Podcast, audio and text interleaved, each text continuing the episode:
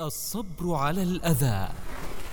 الصبر خلق فاضل يمنع صاحبه من فعل ما لا يحسن ولا يجمل وهو قوة من قوى النفس التي بها صلاح شأنها وقوام أمرها. قال تعالى الذين ينفقون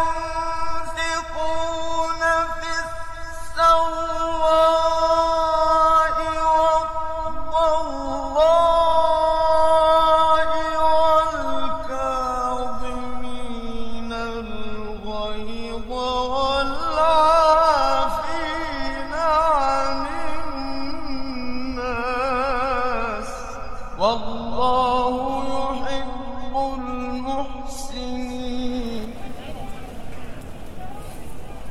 وقال عليه الصلاة والسلام المسلم إذا كان مخالطا للناس ويصبر على أذاهم خير من المسلم الذي لا يخالط الناس ولا يصبر على أذاهم.